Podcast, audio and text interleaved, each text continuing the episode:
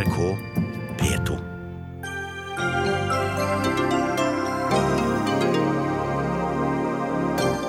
Riksadvokaten ber politiet bruke telefonavlytting og hemmelig ransaking i voldtekts- og familievoldssaker. Det vil oppklare flere saker, sier bistandsadvokatene. Forsvarsadvokatene ser ikke nytten. De skal møte hverandre straks her i Dagsnytt 18. Frp lovet krig mot byråkratiet, men til nå har staten over 1000 flere byråkrater enn under de rød-grønne. De har tryna i møte med virkeligheten, sier Arbeiderpartiet. Aung San Suu Kyi vil ikke at FN skal undersøke påstander om overgrep i Myanmar. Mange er skuffet over lederskapet hennes, og mener hun lukker øynene for at militære forfølger minoriteter.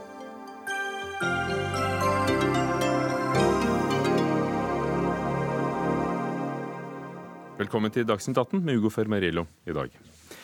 Riksadvokaten mener altså at politiet må vurdere skjult etterforskning som telefonavlytting og hemmelig ransaking i saker som gjelder voldtekt og familievold. Statsadvokaten har siden i fjor sommer gjennomført en kvalitetskontroll av, etterforskningen av voldtektssaker og, og grov vold i nære relasjoner. Kontrollen av 275 voldtektssaker og 266 familievoldssaker viser store forskjeller i kvaliteten på etterforskningen. Og ikke i noen av sakene har politiet brukt utradisjonelle etterforskningsmetoder som kommunikasjonskontroll og hemmelig ransaking. Hege Salomon, leder i utvalget for bistandsadvokatene i Advokatforeningen. Dette med hemmelig ransaking og telefonavlytting, det, det ønsker du velkommen. Hvorfor det? Det ønsker jeg velkommen, fordi jeg mener at det vil bidra til en høyere oppklaringsprosent eh, og riktigere dommer i disse sakene.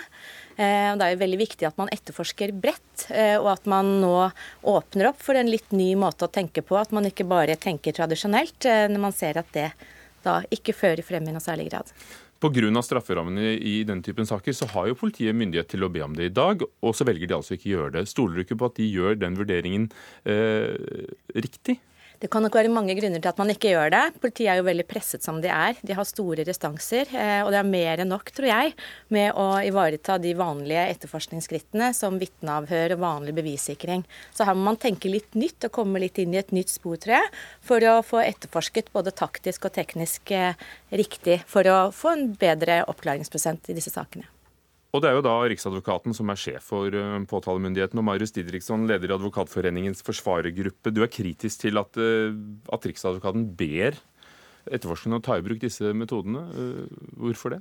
Ja, vi, vi er det. Men... Er dere redd for at flere saker vil bli ende med fellende dom? Vi, vi, vi, det er riktig at vi er kritiske til bruk av utradisjonelle etterforskningsmetoder. At det uten videre skal brukes i saker av denne karakter. Eh, men la meg først si at det er jo ikke rapportens eh, hovedsynspunkt. Rapportens hovedsynspunkt er at eh, etterforskning skal bære høy kvalitet, og det skal ha høy oppklæring. Altså man skal komme til riktig resultat. Og Det er noe vi i Advokatforeningen kan stille oss helt bak. God og balansert etterforskning er en forutsetning for å komme til en riktig påtaleavgjørelse og en riktig domfellelse, eventuelt riktig frifinnelse. Dere sitter jo begge i Advokatforeningen, ja. så, dette er det vel ingen tvil om at alle er enige om. Spørsmålet er hvilke metoder ja. som trengs for å komme dit. Nei, men, men, det som er mitt poeng, er altså at en god, kvalitativt god etterforskning er en forutsetning for et riktig resultat. Og det er det som er rapportens hovedbudskap, og det er det den går igjennom. Den påpeker at etterforskningen må bli flinkere på avhør, åstedssikring, innhenting av dokumentasjon osv. Og, og så går det trinnvis hvordan dette her. Og så er det et lite punkt som tar for seg. Kanskje etterforskerne skal være flinkere til å tenke også i retning utradisjonelle etterforskningsmetoder. Eh, der roper jeg et lite varsko. Det er fordi eh, det er som det står også i rapporten, vi er nå på et område hvor det tradisjonelt har vært sett slik at det er begrenset hva vi kan få ut av slike metoder. Dessuten er det også veldig ressurskrevende. Det koster altså mye penger. Eh, I tillegg kan jeg føye til, og det hører med, at det er et veldig inngripende etterforskningsmiddel. Blir man telefonavlyttet, så er det ikke bare den siktede dette er inngripende for, men for hele, hele, hans familie, omgangskrets, alle han snakker med, blir det tatt uh, lydopptak av, det blir tatt utskrift av hva de sier, alt lagt til straffesaken, omfordelt til alle aktører, avspilt i retten. Dette er et meget inngripende etterforskningstiltak. Så her sier vi stopp en halv et øyeblikk. Hvis ikke det er helt påviselig at dette bærer frukter, hvorfor gå ned denne veien? Bare følg det som Riksadvokaten sier er det aller viktigste her, og det er god, gammeldags, tradisjonell etterforskning. Der må dere bli flinkere. Og Det er det som er budskapet, og det er det jeg gjerne vil stille meg bak. Hege Salomon, for det, det, står jo også det at det er store kvalitetsforskjeller f.eks. Eh, i etterforskningen av disse sakene. F.eks. I, i, i sikring av bevismateriale og mm, opptak fra åstedet. Er det ikke der skoen trykker mer enn å, å ta i bruk ganske inngripende metoder? Jeg tenker man kan gjøre begge deler. Det er jo saker som, hvor det er veldig store skadevirkninger for de involverte, for de fornærmede. Eh, som kan være barn, sårbare personer. Og det er saker med høy strafferamme. Så du sier at sakene er alvorlige nok til De å ta i bruk disse ja, midlene? Ja, en del av sakene. Jeg sier ikke at det skal benyttes i alle sakene, men jeg mener at det er veldig viktig at, man tar, at politiet tar den vurderingen i de sakene der det er nødvendig. Men jeg er helt enig med Marius eh, Didriksson også at uh, kvaliteten på avhør er viktig. Det er viktig at det skal tas på lyd, som det er påpekt i denne rapporten. Og det er viktig at man foretar Altså ta opp lydopptak på stedet? Ja, eller generelt at uh, avhør skal tas opp på lyd, sånn at man får sikret en riktig, uh, et riktig avhør uh, når man skal skrive resymé av det, og det skal brukes i ettertid. og det er også veldig viktig, initialfasen er veldig viktig, som er påpekt her, at man sikrer bevis med en gang. For det kan få konsekvenser senere i saken i forhold til om det blir en henleggelse og om det blir en domfellelse. Hva er Marius Didriksson, eh, Strafferammene tilsier jo at forbrytelsene skulle være alvorlige nok til at de har disse hjemlene i dag. Og, og Hvis ikke så vil de vel ikke få en godkjennelse til å, til, til å gå videre med, med de etterforskningsskrittene hvis det blir funnet at det er for inngripende? Dette er utradisjonelle eller ekstraordinære etterforskningstiltak som opprinnelig ble innført for å oppklare helt annen type kriminalitet. Organisert kriminalitet, narkotikakriminalitet, alvorlig vinningsvold. Eh, ikke den type kriminalitet vi her snakker om. Og her lite varsko. Kanskje ikke man skal bruke ekstraordinære virkemidler på å løse vanlige saker. Ikke la det bli vanlig, for jeg tror kanskje det kan gå utover kvaliteten i hva man ellers gjør. Og det er problematisk nok. Og det er det som er Riksadvokatens budskap. Jeg skulle ønske kanskje det ble litt mer fokus på det. For det Riksadvokaten sier, er jo altså at de helt ordinære etterforskningsskrittene, nemlig å ta en skikkelig prat med, få inn alle vitner, snakke ordentlig ordentlig med siktede, med fornærmede, få sikret bevis, få sikret spor. Der må vi bli flinkere. Uh, og, jeg tenker Det er et spor man må følge. og Så får man se om det i noen tilfeller er, er, er grunnlag for å gå videre med utradisjonelle etterforskningsmidler. Men, men, det er altså ikke noe, noe, viktig budskap i denne rapporten. og Jeg vil kanskje også minne litt om at med utradisjonelle etterforskningsmidler som dette med telefonavlytting har jeg sagt noe om. Noe annet er jo uh, det de kaller for hemmelig ransaking og dataavlesning. Det høres jo veldig teknisk ut, men det dreier seg om egentlig, er jo altså at staten bryter seg inn i hjemmet ditt uten at du får vite om det, bryter seg kanskje inn i PC-en din, tømmer den, speiler den og sender all informasjon tilbake tilbake til, til politiets uh, etterforskningsenhet.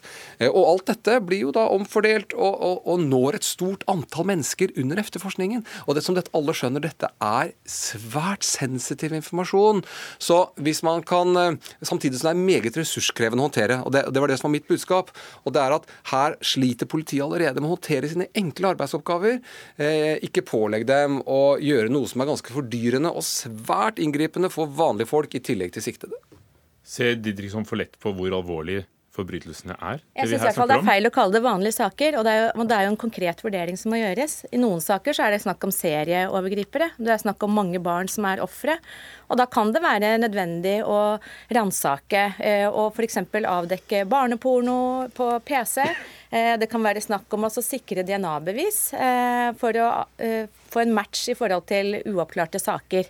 Så jeg mener at det er i enkelte Men Hva er din erfaring som bistandsadvokat? Er det at det mangler disse etterforskningsskrittene? I noen saker så kan det være nødvendig. Jeg har også vært i saker hvor det har vært gjort. Typisk hvor det gjelder serieovergripere. Hvor man da f.eks. har brytt seg inn i et, eh, et hjem da, for å få eh, vedkommendes DNA. Og så får man da match på en rekke saker, og hvor det var nødvendig for å sikre den taktiske etterforskningen i saken. Hvordan er det de som politiet kan de, selv, de kan jo ikke selv uh, finne det for godt å, å, å foreta en hemmelig ransaking, bryte seg inn uh, nærmest som på en film. Uh, det må jo en godkjennelse til. Vil ikke en dommer sette en stopper hvis de mener at det går for langt? Hvis, hvis de mener at alvoret ikke er stort nok? Jeg tror man må sette fokus på å utøve primæroppgavene sine riktig og ikke lene seg tilbake på tekniske innretninger som gjør at man egentlig ikke gjør jobben sin. Men Stoler du ikke på at en dommer ville sagt nei, hvis det var for inngripende? Nei, for det er ikke det som er poenget mitt. En dommer eh, allokerer ikke ressursene i etterforskningen. Det som ikke er uvanlig, det kan kanskje Hege si noe om, det som ikke er uvanlig i en type sedelighetssak med overgrep mot barn, da har man jo en liten greie sedelighetsmessig mot barn for å være involvert i en sånn sak. Så hadde jo vært å forvente at man går hjem til vedkommende, henter PC-en, sjekker Google-adressen hans, hva har han vært på, hva har han vært på netten, har jo den tendensen. I flere saker som politiet har ikke gjort det engang. Helt helt enkle etterforskningsskritt. Og da tenker jeg nå, Dette er ikke tid og sted for å begynne å, å utvide etterforskningsskrittene, starte tekniske sporinger som er svært inngripende og veldig kostbare, som gjør at lensmannskontoret, politikammeret ikke har råd til å gjøre det de egentlig er satt til å gjøre, nemlig å snakke med vitner, avhøre fornærmede, avhøre den siktede, sammenstille dette. Åstedsgranske gjøre skikkelig, ordentlig, tradisjonelt etterforskningsarbeid. Det er sånn saker blir oppklart, og sånn skal det også være i fremtiden. Er du redd politiet vil komme til å bruke for mye ressurser på disse etterforskningene? Nei, det er jeg ikke. Jeg tenker at det er viktig at man åpner for å tenke nytt. Når man ser at eh, det er såpass lav oppklaringsprosent i disse sakene, så må man prøve å tenke litt sånn som man gjør i andre typer saker som blir prioritert. F.eks. organisert eh, narkotikakriminalitet. Og så bruke noen av de etterforskningsmetodene taktisk eh, også i overgrepssaker og grove familievoldssaker. Men en av grunnene til at oppklaringsprosenten er lav, er jo fordi man ikke gjør de helt enkleste etterforskningsskrittene riktig, som er hele rapportens synspunkt. Og Hvorfor er det så stor forskjell på de forskjellige etterforskningene? Har dere en kort forklaring på det, dere som ser det fra rettssalen? Altså, når det gjelder voldtektssaker, så er det jo vanskelig, vanskelige saker å etterforske. Eh, men det har jo også med både kompetanse, ressurser og prioritet. Sånn. Hvorfor blir det så stor forskjell i kvaliteten, da? Sett fra forsvarsadvokatenes side? Ja, Det har nettopp det som eh, er eh, inne her. At politiet går ikke tungt nok og alvorlig nok inn i initialfasen. Sikrer ikke eh, vitneavhør, sikrer ikke avhør. Eh, lar ikke aktor eller forsvarer mulighet for å sammenholde informasjon etterpå. Eh, det er feilen. Takk skal dere ha. Riksadvokaten ble spurt om å være med i Dagsnytt 18 i dag, men hadde ikke anledning. Men dere var her. Marius Didriksson, som leder Advokatforeningens forsvarergruppe, og Hege Salomon, som leder utvalget for bistandsadvokater. Dagsnytt 18 alle hverdager kl 18.00 på NRK P2 og NRK2.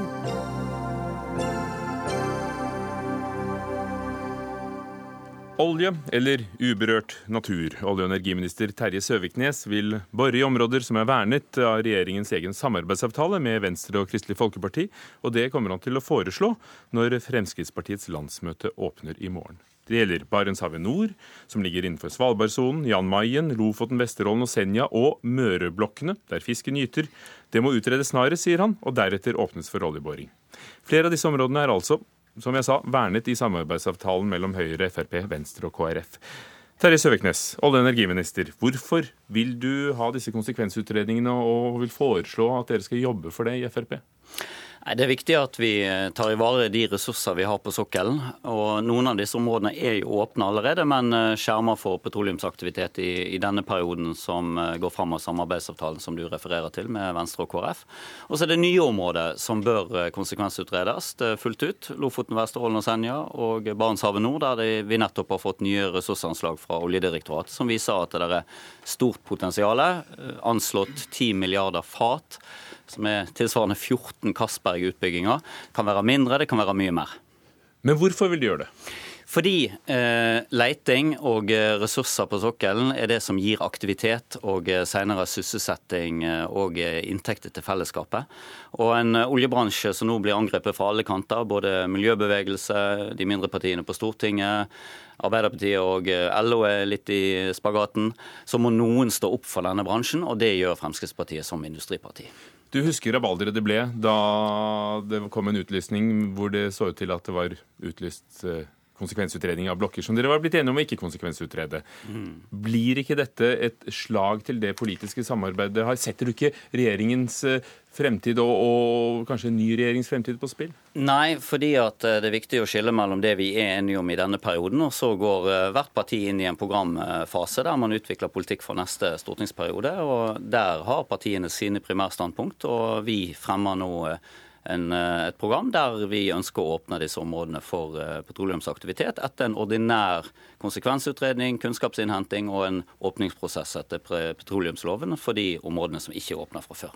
Og Det mener vi er riktig for å gi framtidige ja, generasjoner og til å ta en del i dette oljeeventyret vi nå har hatt i 50 år. Ola Elvestuen, nestleder i, i Venstre. Blir det punktum for det samarbeidet dere har hatt? Nei, men Dette kommer jo ikke til å skje.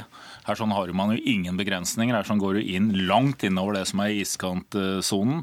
Du tar de viktigste gyteområdene for torsk, Lofoten, Vesterålen, Senja. Du tar de enda viktigere gyteområdene på Mørebankene. Jeg tror ikke man tror på det sjøl engang. Men om det skjer eller ikke skjer, så er det jo et politisk signal. Vil dere kunne samarbeide i fremtiden? Du, vi har, en, vi har et, eh, en samarbeidsavtale nå som er utvida fra det du har fra forrige regjering, inkluderer også Jan Mayen det er klart at Når du skal inn i en ny periode, når du skal beholde et flertall, så er det klart at den begrensningen som ligger der nå, må ligge fast. Og så er det klart at det vi jo trenger å gjøre, er å utvide verneområdene. Vi har en forpliktelse med internasjonale avtaler. Vi har en forpliktelse å følge opp også når det gjelder eh, vår egen eh, naturmangfoldsmelding, hvor man jo snakker om å opprette nye marine verneområder. Søviknes, Hvordan vil du, vil du, sørge for at eh, vi, Norge, opprettholder forpliktelsene våre, ikke bare overfor oss selv, men også de internasjonale, når det gjelder klimamål f.eks.? Jo, og Det er en interessant debatt i seg fordi uh, I Norge så har vi en tendens for å si at enten så er du for olje- og gassvirksomhet, eller så er du for å uh, berge klima og, og kloden. Eh, Sannheten er ikke så svart-hvitt. Det er mulig å fortsatt ha en petroleumsaktivitet på norsk sokkel og nå klimamålene etter Parisavtalen. Er det det, Elvestuen? Nå er det jo store områder som er eh, åpna for oljeaktivitet ja. i Norge. Det er jo ikke sånn at det stenges, men dette er de unike naturområdene som man ikke skal gå inn i. Vi skal også beskytte det som er unikt handler det om natur norsk. eller klimamål og klimaforpliktelser? Nei, dette, disse områdene handler om naturkvaliteter og de fiskeriressursene som er der. Og Så er det det neste. Når vi vet for å nå klimamålene internasjonalt, så må forbruket internasjonalt ned. og Det må det ganske raskt. og Da er det i hvert fall ingen grunn til å gå inn i de mest sårbare områdene som vi har. Og Det er jo en annen diskusjon også. Jeg vil jo betvile også lønnsomheten i mange av disse prosjektene. og Særlig når det går så langt nord som man nå, som man nå ønsker å gjøre. Søviknes. Jeg vil gjerne presisere at vi er opptatt av å ivareta det ytre miljø og naturkvaliteter. Det gjør vi gjennom den forvaltning som vi har på norsk sokkel. Det har vi gjort hittil. Det skal vi gjøre i fortsettelsen òg. Det blir ikke åpna noe petroleumsaktivitet i områder der man kan sette i fare uh, sterke naturverdier eller uh, fiskeriinteresse. Uh, det har man god erfaring med fra tidligere. og Dette er det en kunnskapsinnhenting og en konsekvensutredning skal avklare. Hva område kan åpnes, hva område kan ikke åpnes. Og, og, iskanten, for bare ta det, jeg må bare ta den òg. Det området i Barentshavet nord, i perioder av året, det er sesongvariasjoner, det er variasjoner mellom år, så ligger den iskanten mye lenger nord, og det er da mulig å drive leteboring i oljeførende lag og i Barentshavet nord område, som er fantastisk spennende for eh, norsk sokkel.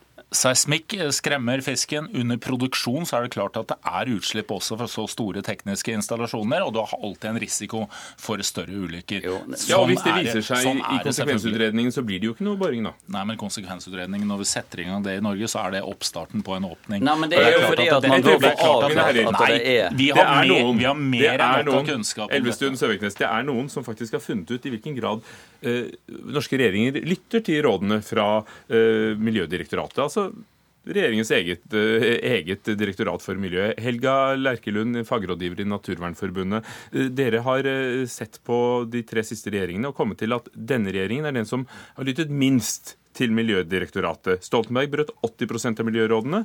Bondevik 2 71 Denne regjeringen hvor mye? De har ikke lyttet til et eneste miljøråd. Så de har ikke bare lyttet minst til eh, miljørådene fra Miljødirektoratet, de har faktisk ikke lytta til en eneste av de advarslene som Miljødirektoratet har kommet til for hvilke områder hvor man bør eh, la være å bore etter olje. Men en ting gjør å bore etter olje, men gjelder det også konsekvensutredning? Ja, altså Det den eh, kartleggingen vi har gjort, eh, viser, det er jo eh, de områdene hvor Miljødirektoratet fraråder oljeboring. Så har vi sett på de eh, utlysningene som de ulike regjeringene har eh, kommet med siden 2002.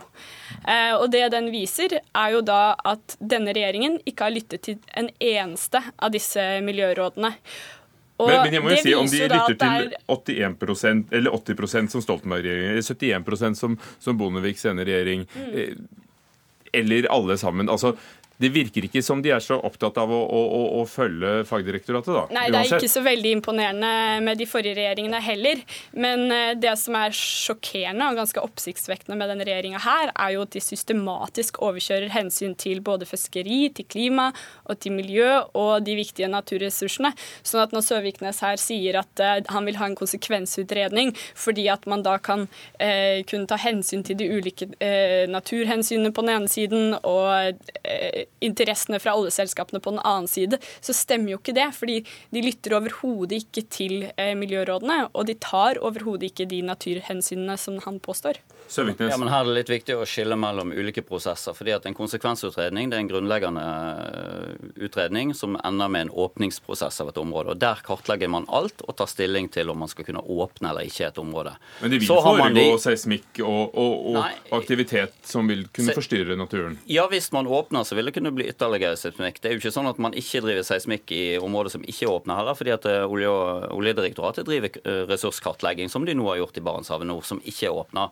Men det er en viktig forskjell eh, på en sånn prosess og det å tildele eh, området, enten det er i de årlige rundene vi har med såkalte tildeling i, modne områder på sokkelen, eller disse nummererte rundene.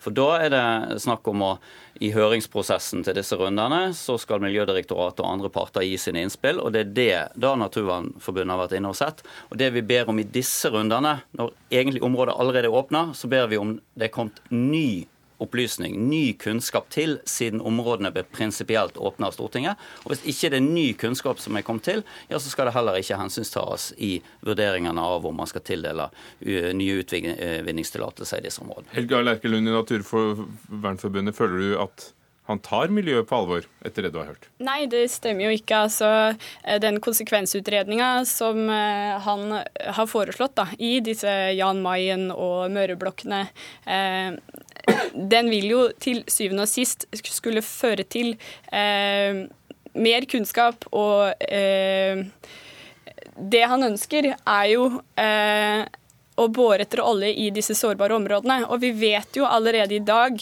at disse områdene ikke bør åpnes, for det sier jo eh, bl.a. Miljødirektoratet, det sier flere andre miljøfaglige etater som Polarinstituttet og flere andre. Sånn at han eh, hører jo verken på de miljørådene som finnes nå, og han hører heller ikke på den eh, nye miljørådene som kommer. Og Et eksempel er jo også den tildelingen som kom denne uken eh, gjennom TFO 2017, hvor Miljødirektoratet, også, ja. ja, eh, hvor Miljødirektoratet har advart mot oljeboring i to områder på Møre eh, kystnært. Av hensyn til sjøfugl, av hensyn til sjøpattedyr, av hensyn til at dette er viktige gyte- og oppvekstområder for fisk. Likevel så velger altså regjeringa å lyse ut disse områdene gjennom TFO 2017. Jo, Og da blir jo spørsmålet, Ser dere helt bort ifra det, helt uavhengig hvor i prosessen Vi dere gjør er? ikke det, fordi at akkurat på de blokkene som nå blir henvist her, som er kystnære, så er det sagt, satt spesielle bestemmelser i forhold til når man kan ha petroleumsaktivitet, leteboring i, og boring i oljeførende lag, knytta til da hensynet til både fiskeriinteresse og til eh, sjøpattedyr. For eh, når det gjelder Mø- Møreområdet, så sier jo Fiskarlaget at dette vil ødelegge fiskeriene. Er det ikke, eh, vil ikke denne næringen, oljenæringen, gå på bekostning av andre næringer? F.eks. Nei, fiskeri? vi har eh, i eh, norsk forvaltning av eh, sokkelen lang tradisjon for å få til et bra samhandling mellom fiskeri og petroleumsaktivitet. Det har historien med 50 år bak oss vist. Det skal vi òg ha i framtida. Begge interesser skal høres. Og så må jeg bare understreke en faktafeil som kom her i sted fra Naturforbundet. fordi at Møreblokkene er prinsipielt åpna for petroleumsaktivitet, men så har vi en samarbeidsavtale mellom Venstre, KrF og regjeringa som sier at det skal ikke være petroleumsaktivitet i denne perioden. Tilsvarende er Jan Mayen konsekvensutreder, men har valgt å ikke gå videre med å fremme sak for Stortinget. Eh, sånn at det her, eh, det var den forrige rødgrø- rød-grønne regjeringa som sto for. Så Ole, det er litt forskjell på disse områdene, og vi, altså- vi må holde fakta eh, klart på bordet. Det er viktig i olje- og gass. Ja, så, Møre, så Mørefeltene kan ikke åpnes opp nå heller, i den TFO-runden som vi er inne i. Men- her, så må det, her må det settes helt klarere inn i det. Men du sier det er helt urealistisk at dette vil skje. Er det din egen eh, ønskedrøm, mer enn noe annet? Du har jo selv vært med på å, å sette dette partiet ved, ved roret, da.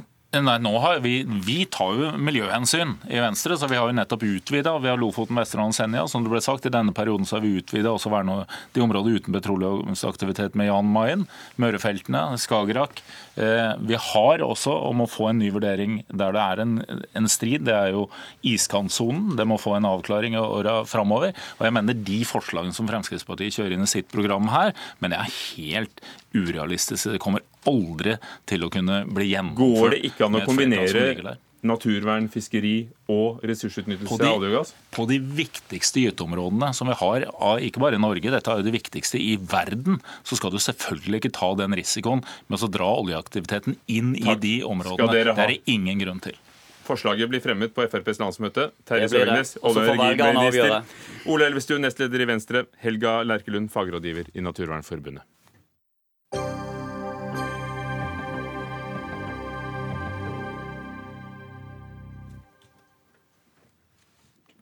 Aung San Suu Kyi fikk både Nobels fredspris og Raftoprisen mens hun i flere år satt i husarrest i Burma, som det het den gangen, Myanmar i dag.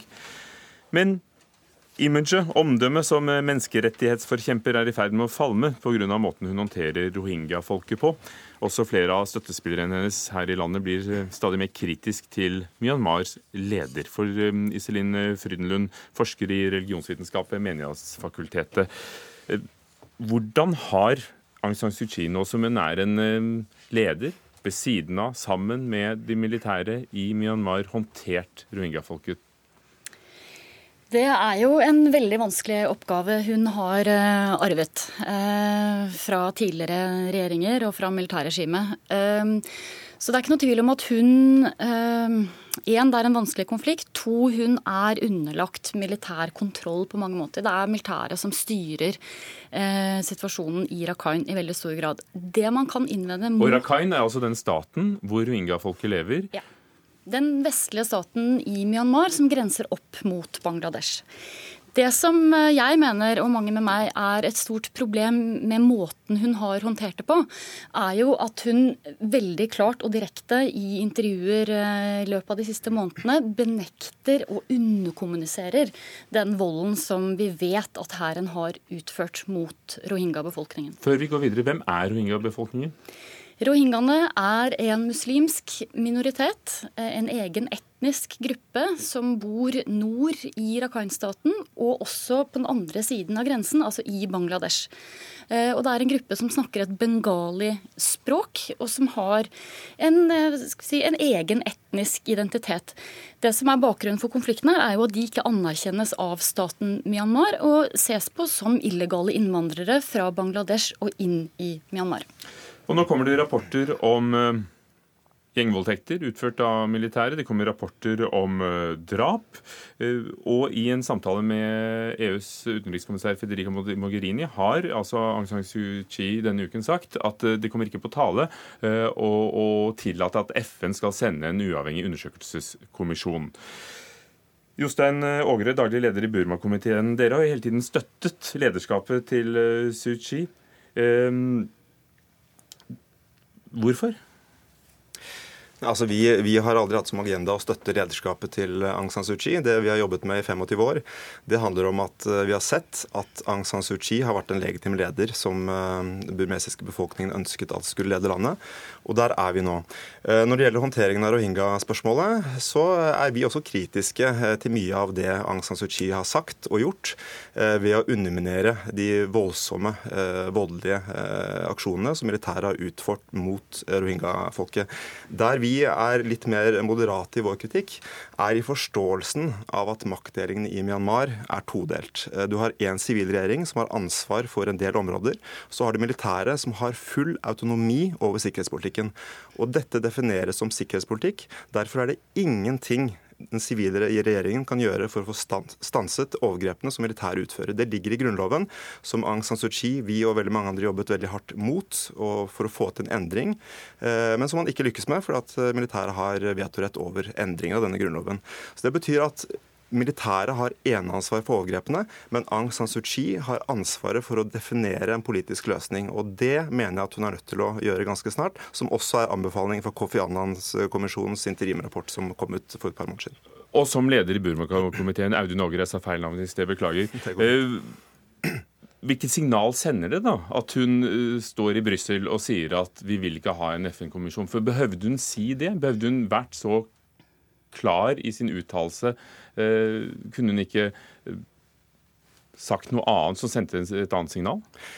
Absolutt. Og jeg syns hun kunne håndtert den saken på en langt mer fornuftig måte. Det jeg tror Aung San Suu Kyi tenker, er at hun har nasjonale eh, oppgaver som er altoppfattende og vanskelig å, å, få til å fungere. Og så har hun en internasjonal forpliktelse. Og jeg eh, tror at hun eh, prioriterer det nasjonale, og hun skjønner at rohingya-saken er så potent eh, at det både kan skape eh, grobunn for økt nasjonalisme, som vi allerede ser, samtidig som militæret kan profitere på økt konflikt ved å på, på en måte underminere underminere og sabotere den sivile regjeringen. Så jeg tror det er det hun forsøker å få til. Og Iselin Frydenlund, da, da, vil jo hele hennes makt falle sammen. Det er en hårfin balansegang hun, hun driver med. Hvordan kunne hun løst det annerledes, som du ser det? Nei, jeg mener at eh, det hun eh, burde tørre å gjøre, er jo å begynne å snakke om hva som er grunnlaget, det politiske grunnlaget for eh, det politiske fellesskapet i Myanmar. Altså Man må begynne å snakke om hvordan hvordan man definerer hvem som tilhører og hvem som ikke tilhører. Det er en form for nasjonal ideologi som har vokst fram i Myanmar fra 60-tallet oppover nå, som har fått eh, slå rot. Eh, og det er en tenkning om at man har nasjonale raser. Og fordi man har dette begrepet i bånn, så blir det et verktøy for å si at noen hører til, og noen hører ikke til. Men det her kan man jo begynne å diskutere, og det må burmesiske politikere og intellektuelle tørre å begynne å spørre om. Hvor er det det egentlig står at rohingyaer ikke kan være en del av det nasjonale fellesskapet i Myanmar? Det står ingen steder. Jostein Hole Kobbeltvedt, eh, daglig leder i Raftostiftelsen. Dere ga Aung San Suu Kyi um, Raftoprisen i 1990, året før hun fikk Nobels eh, fredspris. Angrer dere nå i ettertid eh, på at hun, hun fikk den? Raftostiftelsen ga Raftoprisen til Aung San Suu Kyi i 1990 eh, for eh, hennes arbeid for menneskerettigheter og demokrati i den gang Burma. Eh, det er en pris som var vel fortjent da, og som vi, som vi står for. Samtidig så er det sånn at vår lojalitet alltid vil være med ofre for menneskerettighetsbrudd. Og vi vil støtte de som står fremst i i, kampen for menneskerettighetene. Og Derfor har jo vi også eh, nylig skrevet til Aung San Suu Kyi og, og utfordret henne nettopp på de punktene som eh, både Frydenlund og Ågre peker på her. Nettopp at selv om eh, hun har eh, begrenset konstitusjonelt og politisk handlingsrom i eh, Myanmar, så er vi sterkt bekymret fordi uttalelsene hun har kommet med, og, og måten hun også eh, viser mistillit overfor svært troverdige rapporter fra Amnesty, Human Rights Watch, FN eh, om situasjonen for rohingyaene, og nå også eh, eh, eh ikke ønsker eh, å gi FN tilgang på å, å komme og granske situasjonen. Hva vet vi om de overgrepene som da angivelig begås mot rohingya-folket? Eller hva vet du? Det er jo det er jo øh, grove overgrep som også har eskalert i senere tid. Det er en del som beskriver det som øh, i, øh, i, i, retning av folkemord. det er det er masseflukt.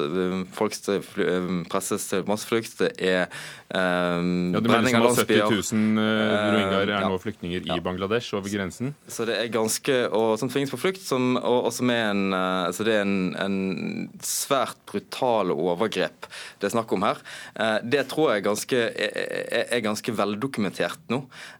Og så vet vi det at det er militæret som, som har vært påpekt her, som gjennomfører disse disse overgrepene. Det er en, noe ikke Aung San Suu Kyi formelt kan eh, kontrollere.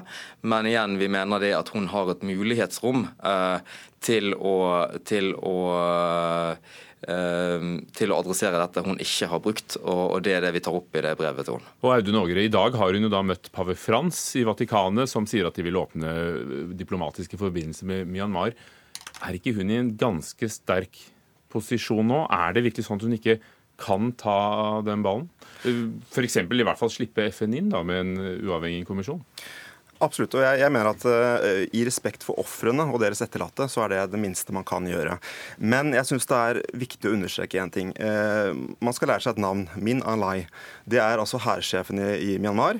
Uh, veldig få har hørt om han. Han sitter også med full kontroll på dette med sikkerhetspolitikk. Han var nylig på besøk i Tyskland og Østerrike, så på flyfabrikker for å, for å handle våpen på sikt. Og det er klart, når man har en situasjon hvor den som står bak overgrepet, går klar av kritikk, og man ser en, eh, en forholdsvis konstitusjonell svak regjering blir eh, mot, eh, mottaker for denne kritikken, så blir det ubalansert. Men det fritar ikke Aung San Suu Kyi for ansvar, og det fritar henne ikke for kritikk, men man må kritisere henne av rette grunner. Den endelige rapporten til FN og tidligere generalsekretær Kofi Annan kommer senere i år. Vil det kunne kanskje være det som får, får henne til å handle?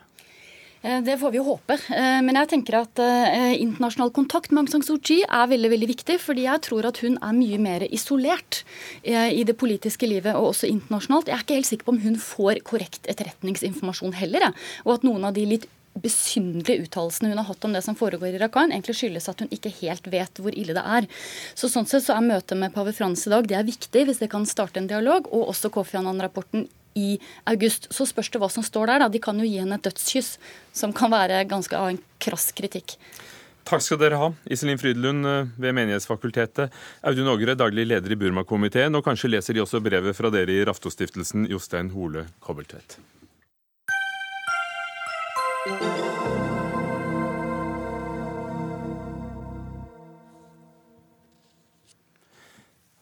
Neste uke skal Fifa, altså Det internasjonale fotballforbundet, diskutere forholdet mellom Israel og Palestina. På Vestbredden er fotball nemlig blitt storpolitikk. Der spiller israelske lag mot hverandre på det området som anses og det ifølge FN-resolusjoner er okkupert. Nå er Fifa under hardt press for å forby at disse lagene får delta i den israelske offisielle ligaen. Gerd von der Lippe, professor i idrettssosiologi ved Høgskolen i Sørøst-Norge. I Dagbladet i dag har du skrevet et åpent brev til eh, Norges Fotballforbund. Eh, hva går din eh, oppfordring ut på? Den går for at de blir nødt, mener jeg, å ta stilling, og ikke bare skjule seg under en såkalt nøytralitet. Fordi at uh, uh, hvis de skal følge Fifas eh, vedtekter, f.eks. paragraf nummer tre, så er også Fotballforbundet forplikta til å respektere alle internasjonale anerkjente menneskerettigheter, og de skal jobbe for å beskytte disse.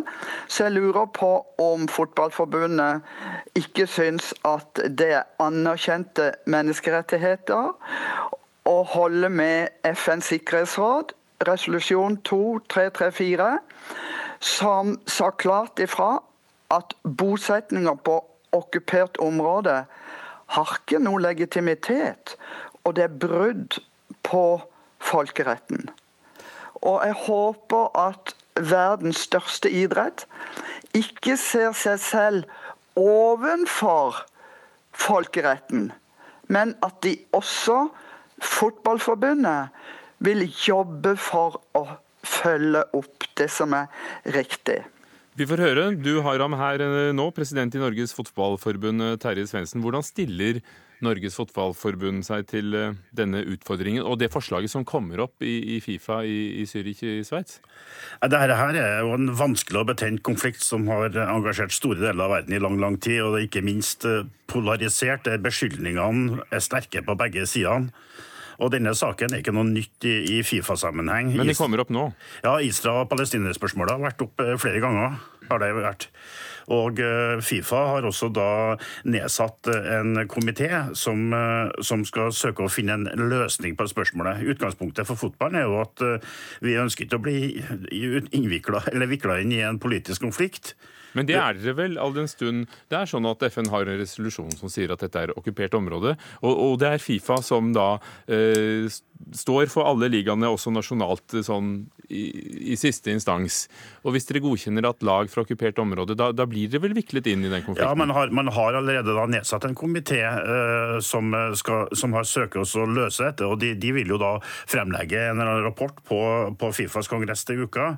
sånn at eh, vi har ikke tatt stilling til hvordan vi skal forholde oss til det spørsmålet som kommer opp på kongressen i kommende uke. For vi ønsker å ha med oss eh, rapporten fra Fifas komité før vi tar stilling i saken. Og så vet vi også sant, at denne politiske konflikten er det veldig delte synspunkter på, også i Norge.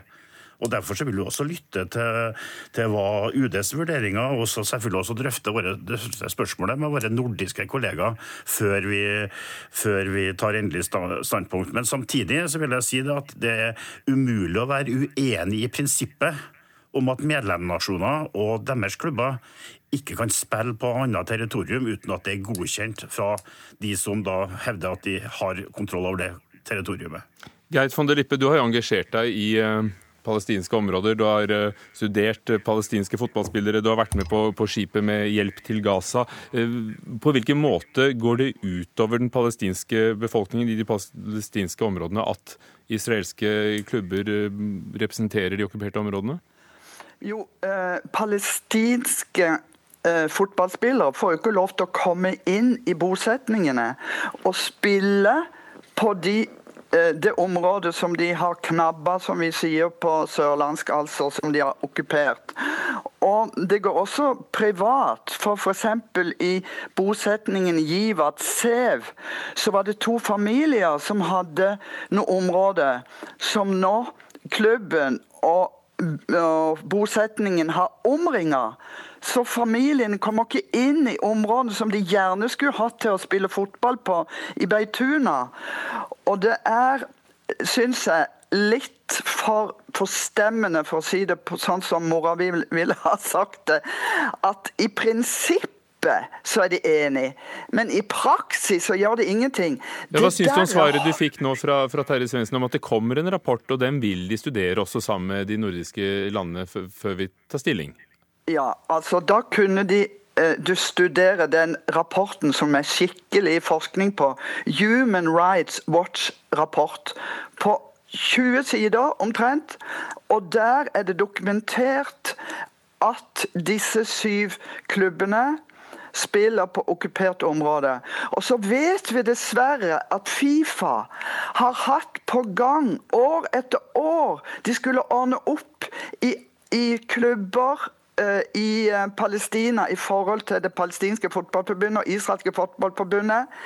Det blir ikke gjort noe. De forsøker liksom, men det blir ikke gjort noe. Det er liksom som å si ja, vi må vente og se på en rapport. Det er greit at de venter nå til eh, 11. Og så hvis da flesteparten sier at ja, vi må vente og se Altså, vente og se har vi gjort siden 1967. Sånn at uh, det å ikke ta stilling, det mener jeg er virkelig feighet. Kan ikke Norge gå la, la, oss stoppe der og, og få litt tid til, til deg, Terje Svendsen i Fotballforbundet. Er, er det feighet? Uh, for, for, som ja. du sier, det er reaksjoner på begge sider. Men er det ikke nettopp da Fifas rolle å finne en løsning så folk kan drive med idrett uten at det blir, blir storpolitikk?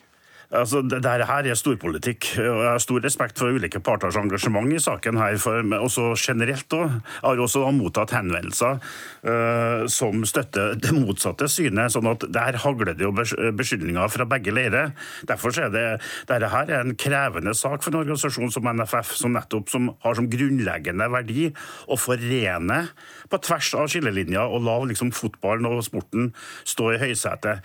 Men altså, sånn som eh, jeg oppfatter så har Fifa nå jobba i to år, siden 2015, for å prøve å finne løsninger på partene for å sette fotballen i høysetet.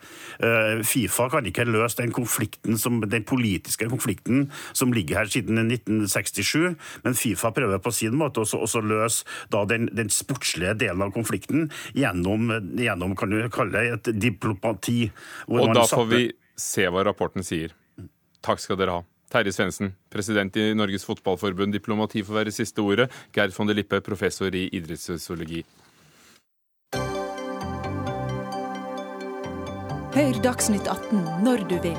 Radio NRK Radio.nrk.no.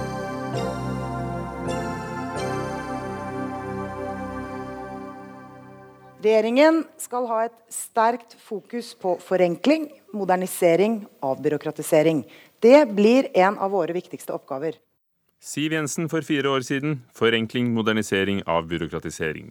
Men det Frp har kalt krigen mot byråkratiet, går vel kanskje ikke helt etter planen, etter at partiet inntok regjeringskontorene, har antall byråkrater økt. Fellesskapet bruker nå en halv milliard kroner mer i året på å lønne de over 1000 flere offentlige embetsmennene og -kvinnene som er blitt ansatt siden regjeringsskiftet. Dette er det Aftenposten som skriver i dag, og de har regnet på tall de har fått fra direktoratet. Difi. Finanspolitisk talsmann i Frp, Hans Andreas Limi. Hvordan er det mulig? Er ikke det det motsatte av det dere ville? Det er nok grunn til å nyansere litt mer på de tallene som Aftenposten slår opp i dag. fordi vi har faktisk eh, redusert eh, antall ansatte i departementene.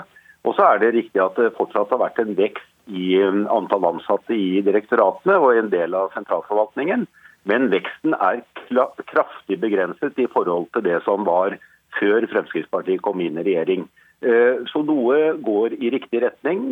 Vi har tatt noen grep. Vi er langt fra ferdig. og det er klart at Vi ønsker å komme mye lenger, fordi det er helt nødvendig å begrense byråkratiet og få mer ressurser ut til, til innbyggerne. Er ikke et godt statsmaskineri eh, bra å ha da, med et embetsverk som fungerer eh, godt? Vi blir jo flere mennesker, får flere oppgaver. Det er veldig viktig å ha et embetsverk som fungerer godt. Så Det er ikke det det står på. Men det er en begrenset pott med penger som skal disponeres. Og Vi er også inne i en periode hvor vi gjennomfører store reformer innen veiutbygging, bane, politi, kommunereform osv. Alt dette er krevende. Eh, og det, er krev, spesielt krevende når man skal implementere slike reformer. Eh, og så vil de positive effektene og effektiviseringen komme etter hvert. Og til det beløpet ja, ja, fordi det, Unnskyld meg, dette her eh, tallet med 4,9% flere byråkrater siden 2013, det er ikke rallare og, og politikonstabler, det er jo da i sentralbyråkratiet? Det er det vi snakker om nå, men det er også litt viktig å understreke at um, vi har gjennomført en, en effektiviseringsreform. Vi stiller krav til statlige etater om at de må effektivisere virksomheten sin. og Bare i 2017 så vil altså det bety at vi drar ned utgiftene med 2,5 milliarder kroner. Eh, så Det er en rekke grep som er tatt, men det vi erfarer, det er at ting tar tid. Marianne Martinsen, finanspolitisk talsperson i Arbeiderpartiet. Hva er din forklaring på, på det som har skjedd? Vel, her har eh, Fremskrittspartiet rett og slett eh, feila i møte med virkeligheten. Eh, for det partiet drev og leda an i en utrolig lettvint og fordummende debatt om byråkrati, særlig inn mot valget i 2013, hvor det skulle kriges mot byråkratiet, og hvor det ikke var grenser for vanvittig pengebruk og sløseri i statsforvaltninga som man skulle komme til livs. Eh, og ikke veit jeg, men, eh, men, for de fleste velgere så vil nok det å love krig mot byråkrati i hvert fall innebære en forventning om at da skal antallet byråkrater gå ned. Eh, og helt uavhengig av bortforklaringene fra Limi her, så er fasiten nå at byråkratiet faktisk vokser. Men Syns du det er en dum ting? Jeg mener at de har en utrolig enkel holdning til å styre offentlig sektor og styre den statlige forvaltninga. Det snakkes her om, om uh, avbyråkratiseringsreform, som er en form for ostehøvelkutt, som ikke nødvendigvis gir spesielt gode resultater. Det, det er, Men er du egentlig glad for at det viser seg at på tross av effektiviseringsreformen, så klarer de forskjellige etatene å ansette flere embetsmenn? Men Det er ikke noe mål at vi skal ha flest mulig byråkrater, eller at vi skal ha unødvendig byråkrati. Unødvendig byråkrati må vi bekjempe. Og Det vi får rapporter om fra statsforvaltninga, fra ansatte som jobber der, det er at de opplever en hverdag med stadig mer eh, eh, byråkratisering. Eh, altså at byråkratene selv føler at hverdagen blir for byråkratisk, fordi de ilegges kontrollrutiner, målstyring, rapporteringskrav, som gjør at de sliter med å faktisk få gjort det de er ansatt for å gjøre. For å gjøre. Eh, så, så, så dette handler om Eh, en dårlig holdning til hvordan staten skal styres. Og det å drive med sånne ostehøvelkutt Du rammer ikke nødvendigvis byråkrater på den måten. Dette går løs på, på driftsbudsjettene til sykehusene, så her må man tenke helt annerledes. Limi. Nå er, det jo, nå er det jo langt mer enn å, å kreve effektivitet i statlige virksomheter vi gjør. For vi gjør jo en del grunnleggende grep Eh, både på veisektor, innenfor bane, politi, kommunereform. Alt jo, men, men, som Arbeiderpartiet stort sett er imot. ikke sant? Det tar tid å få effektene ut av disse reformene. Det er ressurskrevende å gjennomføre det. Men det er altså en grunnleggende omorganisering for å få mer effektiv ressursbruk. Og dere trenger altså flere byråkrater for å få det til? Nei, men Vi er i en prosess nå hvor vi skal implementere disse reformene. Og så vil vi hente de positive effektene og gevinstene etter hvert. Arbeiderpartiet er jo stort sett mot alle disse endringene. Eh, dessverre, Fordi vi vil ikke ha altså, fornyelse i offentlig sektor, og det er Men- men veldig beklagelig. Det ønsker Fremskrittspartiet. Og så er det Men, men, Limi, men, Limi, vi, vi, har jo, vi har jo leda an vi, i en rekke reformer som har tatt ned byråkrati i offentlig sektor, f.eks. i forsvarssektoren, som har vært veldig, veldig eh, viktig og riktig å gjøre. Men vi er imot reformer som virker byråkratiserende. Og denne veksten som vi har sett i statsbyråkratiet Hvilke reformer har, har de stått for som virker byråkratiserende, Martinsen? Nei, nå er vi for eksempel i gang med en jernbanereform, eh, hvor hovedideen bak den reformen er at man skal splitte opp ansvar, etablere et nytt direktorat, eh, vi skal få jernbaneinfrastrukturforetaket Bane Nor SF istedenfor å samle, eh, samle ansvaret og sørge for at du ikke får masse byråkrati i samhandlinga mellom alle disse foretakene som skal, som skal operere. Og her har jo, her har jo regjeringa sjøl i budsjettet for 2017 budsjettert med over 500 millioner kroner i økte byråkratikostnader for å gjennomføre denne reformen. Men, men Limi, er det bare det som du sier, at det tar tid å høste fruktene? Eh, Mange av disse reformene er nettopp vedtatt, og de er i ferd med å bli gjennomført. og Da, da krever det litt ekstra ressursinnsats. Eh, og så er det jo det å si til Arbeiderpartiet at de har jo bygget opp dette byråkratiet gjennom årtier. Eh, vi, Fremskrittspartiet har sittet i regjering nå tre år. Eh, og vi har gjort mye. Vi har eh, fått gjennomført mye i, eh, gjennom vedtak i Stortinget. Men de positive effektene tar det altså litt lengre tid å hente ut. Og den situasjonen vi ser nå, det er i hvert fall en forbedring til den situasjonen vi opplevde når Arbeiderpartiet sist satt med regjering, hvor det hadde en vesentlig større vekst i det offentlige byråkratiet, og spesielt i sentralforvaltningen. Er ikke det spesielle nå at da øh, veksten ikke er like høy i privat sektor, så det blir en ubalanse? Jo, og det er en utfordring fordi vi har vært eh, gjennom en lavkonjunktur. Heldigvis så tyder mye på at vi er på vei ut av den. Og vi ser at det begynner å bli vekst i privat sektor. Men vi har vært igjennom en tøff periode. Og så har jeg lyst til å nevne at det er en del prioriterte områder for Fremskrittspartiet som vi har vært tydelige på hele tiden. Vi har altså opprettet 1500 nye stillinger i politiet. Det er viktig. Men det er ikke dem vi snakker om nå. Og det var jo prioritert å avbyråkratisere. Det hørte jo Siv Jensen si. Det er også en del av det store bildet når vi snakker om vekst i offentlig sektor og vi snakker om offentlig ansatte. Martinsen. Men Limi, dere lovte krig mot byråkratiet, og uansett hva du sier, så er resultatet at antallet byråkrater ikke, eh, ikke ute blant politifolk eller, eller sykehusene og sykepleiere, eh, men, men antall byråkrater i sentralforvaltninga går opp. Det er stikk i strid med det dere lovte velgerne. Vi trenger en annen form for styring. hvor vi... Ja. Ja. Jeg prøver ikke å bortforklare at det er fortsatt en vekst. Kan jeg avslutte med et veldig en veldig høy- enkelt spørsmål vi har en veldig høy ambisjon, og vi ønsker å gjøre noe med, med byråkratiet, men det tar tid å gjennomføre store endringer. Vi klarer det, og det er derfor vi trenger en periode til. Er det sånn at det er ikke så lett for politikere å, å styre embetsverket så fort? Det er som et stort skip? Klimi, ja eller nei? Det er som et stort skip, ja. Men det er jo ikke noe mål at vi skal ha færrest mulig byråkrater, heller ikke flest mulig. Vi skal ha de folka vi trenger til å utføre de oppgavene som trengs. Takk skal dere ha, Marianne Martinsen, finanspolitisk talsperson i Arbeiderpartiet, og Hans Andreas Limi, som er det samme i Fremskrittspartiet.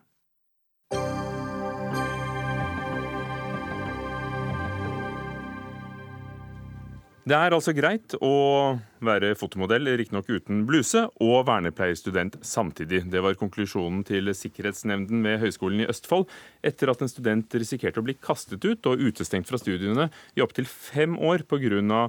dristige bilder som denne kvinnen solgte på fritiden sin. I dag er det sånn, og det er det det skal handle om, at studenter innen lærere og helse- og sosialfagsutdanninger kan utestenges fra utdanningen dersom de ikke er såkalt skikket. Og leder for eh, Norsk studentorganisasjon, Marianne Andenes, eh, dere vil ha en lavere terskel for å melde fra om en student som er uskikket, ved at man skal kunne være anonym når man, varsler. Hvorfor eh, vil dere det? Altså I dag bare for å ha sagt det, det er 150 studenter som blir vurdert hvert år om de er uskikket eller ikke, men det er bare tre som blir funnet uskikket av 60 000 studenter. Det kan ikke være noe stort problem. Først la meg oppklare litt i tallene. eh, For det er sånn at det er blitt levert ca. 150 tvilsmeldinger. eh, Men det er kun tre av de som har resultert i faktiske siktighetssaker hvor man eh, har blitt dømt såkalt uskikket. Men bakgrunnen for at vi ønsker at man skal kunne levere en anonym tvilsmelding, er fordi at alle medieoppslag, rapporter som har vært osv. viser at det er underrapportering. Eh, Og det handler om, eh, spesielt som man så i medieoppslagene dette sist på en måte var en stor debatt, var at studenter ikke varsler fordi de frykter represalier. Eh, de ønsker ikke å være de som blir eh, på en måte de som sladrer på andre studenter, eller lage et dårlig klassemiljø. Og det, og det kan jo, Vi kan jo ikke ha et sånt system eh, der man på en måte ikke tør å si fra eh, hvis man faktisk mistenker at noen ikke er skikka for det yrket de skal ut i. For det handler jo om at man har dette systemet fordi man ønsker å eh, ivareta og beskytte de gruppene studentene skal ut og jobbe med, som barn, pasienter osv. Ja, altså dette gjelder jo fra tannteknikere til uh, kjøreskolelærere. Altså det er veldig mange grupper. Karoline Skarstein, journalist i Studvest. Du har selv opplevd å, å bli vurdert som skikket eller, eller, ikke skikket. Ble funnet skikket, og vi skal ikke snakke om din sak. Men hvorfor har du engasjert deg og mener at det ikke skal kunne gå an å melde fra anonymt og sende en sånn anonym bekymringsmelding?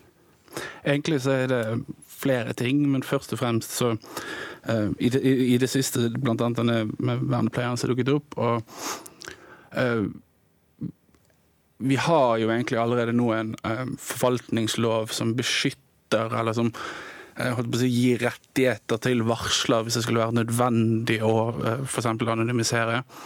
Um, og så er jeg egentlig uenig i hele, hele, hele utgangspunktet her. At det å at, at, på en måte måltallet at det skal være om å gjøre for flest mulig meldinger. Jeg mener at det må være om å gjøre for flest mulig gode prosesser der vi faktisk får vurdert om studenter er skikket eller ikke. Er de gode i dag, mener du, prosessene? Du har jo selv vært gjennom det. Altså Utgangspunktet mitt har vært at det ikke er godt nok, og at NSO her begynner egentlig feil ende. Kan jeg kommentere? Ja, ja, men Karoline Skarsheim, hva, hva skulle blitt bedre? Først og fremst så tror jeg man må se på forskriftene på en måte kunne um, tydeliggjøre hva som skal føre til en skikkevurdering. Altså, I dag har vi en, altså en sett med forskrifter som setter noen kriterier for hva vi skal vurdere etter. og Disse kriteriene er såpass løse og såpass åpne at egentlig hva som helst av litt sånne kalde rariteter kan, kan, på en måte føre til at du får en sånn type skikkevurdering på deg. Og jeg tenker at det må være klare, altså Vi må sitte en forventning til studenten. altså på en måte Hvor skal grensen gå for hvor tid du er uskikket og hvor tid du ikke er skikket? Marianne Andenes i studentorganisasjonene. Kan det ikke bli for lett? Altså at, at folk kan nærmest bruke det og sette i gang noe som kan minne om en hekseprosess? Jeg tror det det er viktig å huske på, er jo at en tvilsmelding, det som eh, skal skje i prinsippet Nå er det jo ikke gitt at eh, Og jeg tror heller ikke at prosessen er god alle steder, og det er veldig viktig å sikre gode prosesser. Men ideelt sett, sånn som det skal være, er jo at eh, det blir levert en tvilsmelding. Og ja, Hva kan det handle om, f.eks.? Det, det er det som er. Det kan være ganske bredt spekter. Og det er jo både studentene, f.eks. praksisveileder, som kan mene at det har skjedd en enkelthendelse eller andre ting som de mener mener at eh, kanskje gjør at en person ikke er skikket. Eh, men det som skal skje da, er jo at studenten skal få tilbud om utvidet veiledning og oppfølging. Og det trenger ikke, og det skal ikke være en hensikt at den utvidede veiledningen og oppfølgingen skal lede til en skikkethetssak. Den kan enten lede til at eh, man går tilbake til studiet, eh, man utvikler seg. Eh, det kan lede til at man finner ut at kanskje man ikke går på det studiet man skal gå på. Og hvis man ser at det er behov for ytterligere informasjon og grundigere vurdering, så skal det gå til en skiktensnemnd. Og der mener jo ikke vi at det skal være Der mener ikke vi at den som varsler lenger skal være anonym. Der mener vi helt klart at man skal ha fullt innsyn i sin sak hvis det blir opprettet en sak i Skiktighetsnemnda. Men det blir det veldig, veldig sjelden. Så Karoline Skarstein, det kan jo da altså være faktisk til hjelp for den studenten som får en sånn bekymringsmelding, og det er jo ikke lett å si fra. Jo, jo, absolutt. Og jeg, er ikke imot uh, skikkelighetsvurdering. Men uh, altså, og dette sier Marianne så at man har en prosess før det går til en skikkelighetsvurdering. Altså, man, man ser i de eksemplene som, som, ble tydeliggjort i går, så snakkes det om at det har gått nesten et halvt år fra på en måte saken kommer opp til den blir avklart. Og I den prosessen så ønsker altså da NSO at man skulle kunne si, holde varsleren anonymt. Og det er noe med å Altså, jeg, jeg har vært i den prosessen sjøl og, og, vet hvor belastende den prosessen er. Det er ikke sånn at eh, holdt på å si, eh, NSO har bl.a. beskrevet det som en gode i, i, uh, i en artikkel de skrev. og eh, jeg, jeg det er, ikke, det er, ikke, sånn at du sitter der og på en måte føler at du skal få hjelp. Altså Det er en prosess der man prøver å finne ut duger du til dette eller ikke. Og for all del, Det er viktig, men det må gjøres skikkelig og ordentlig. Og jeg tror ikke det gjøres det i dag. Og hvem er det som sitter i disse nemndene i dag? Eh, eh, jeg må bare få lov til å svare eh, først. for Jeg tror vi egentlig snakker litt forbi hverandre. for Det er ikke nødvendigvis en motsetning det å kunne la studenter levere en anonym tvilsmelding og det å bedre prosessen. For er, her er vi helt enige at det skal ikke være sånn at når en, en tvilsmelding blir levert, at studenten opplever at de blir fordomsdømt som uskikket. Det, det er ikke sånn systemet skal fungere. og Der må institusjonene faktisk skjerpe seg. Og Hvordan kan dere hjelpe dem til det? Vi kan jo jobbe på nasjonalt nivå. Vi skal til Universitets- og høyskolerådet nå eh, og ta opp saken, både i representantskap og i utdanningsutvalg. Takk skal dere ha, begge to. Karoline Skarstein, journalist i Studvest, og Marianne Andenes, leder i Norsk studentorganisasjon. Fredrik Lauritzen var ansvarlig for dagens Dagsnytt 18. Lisbeth Sellereite, teknisk ansvarlig. Ugo Fermarello, programleder. Takk for i dag. Hør flere podkaster på nrk.no podkast.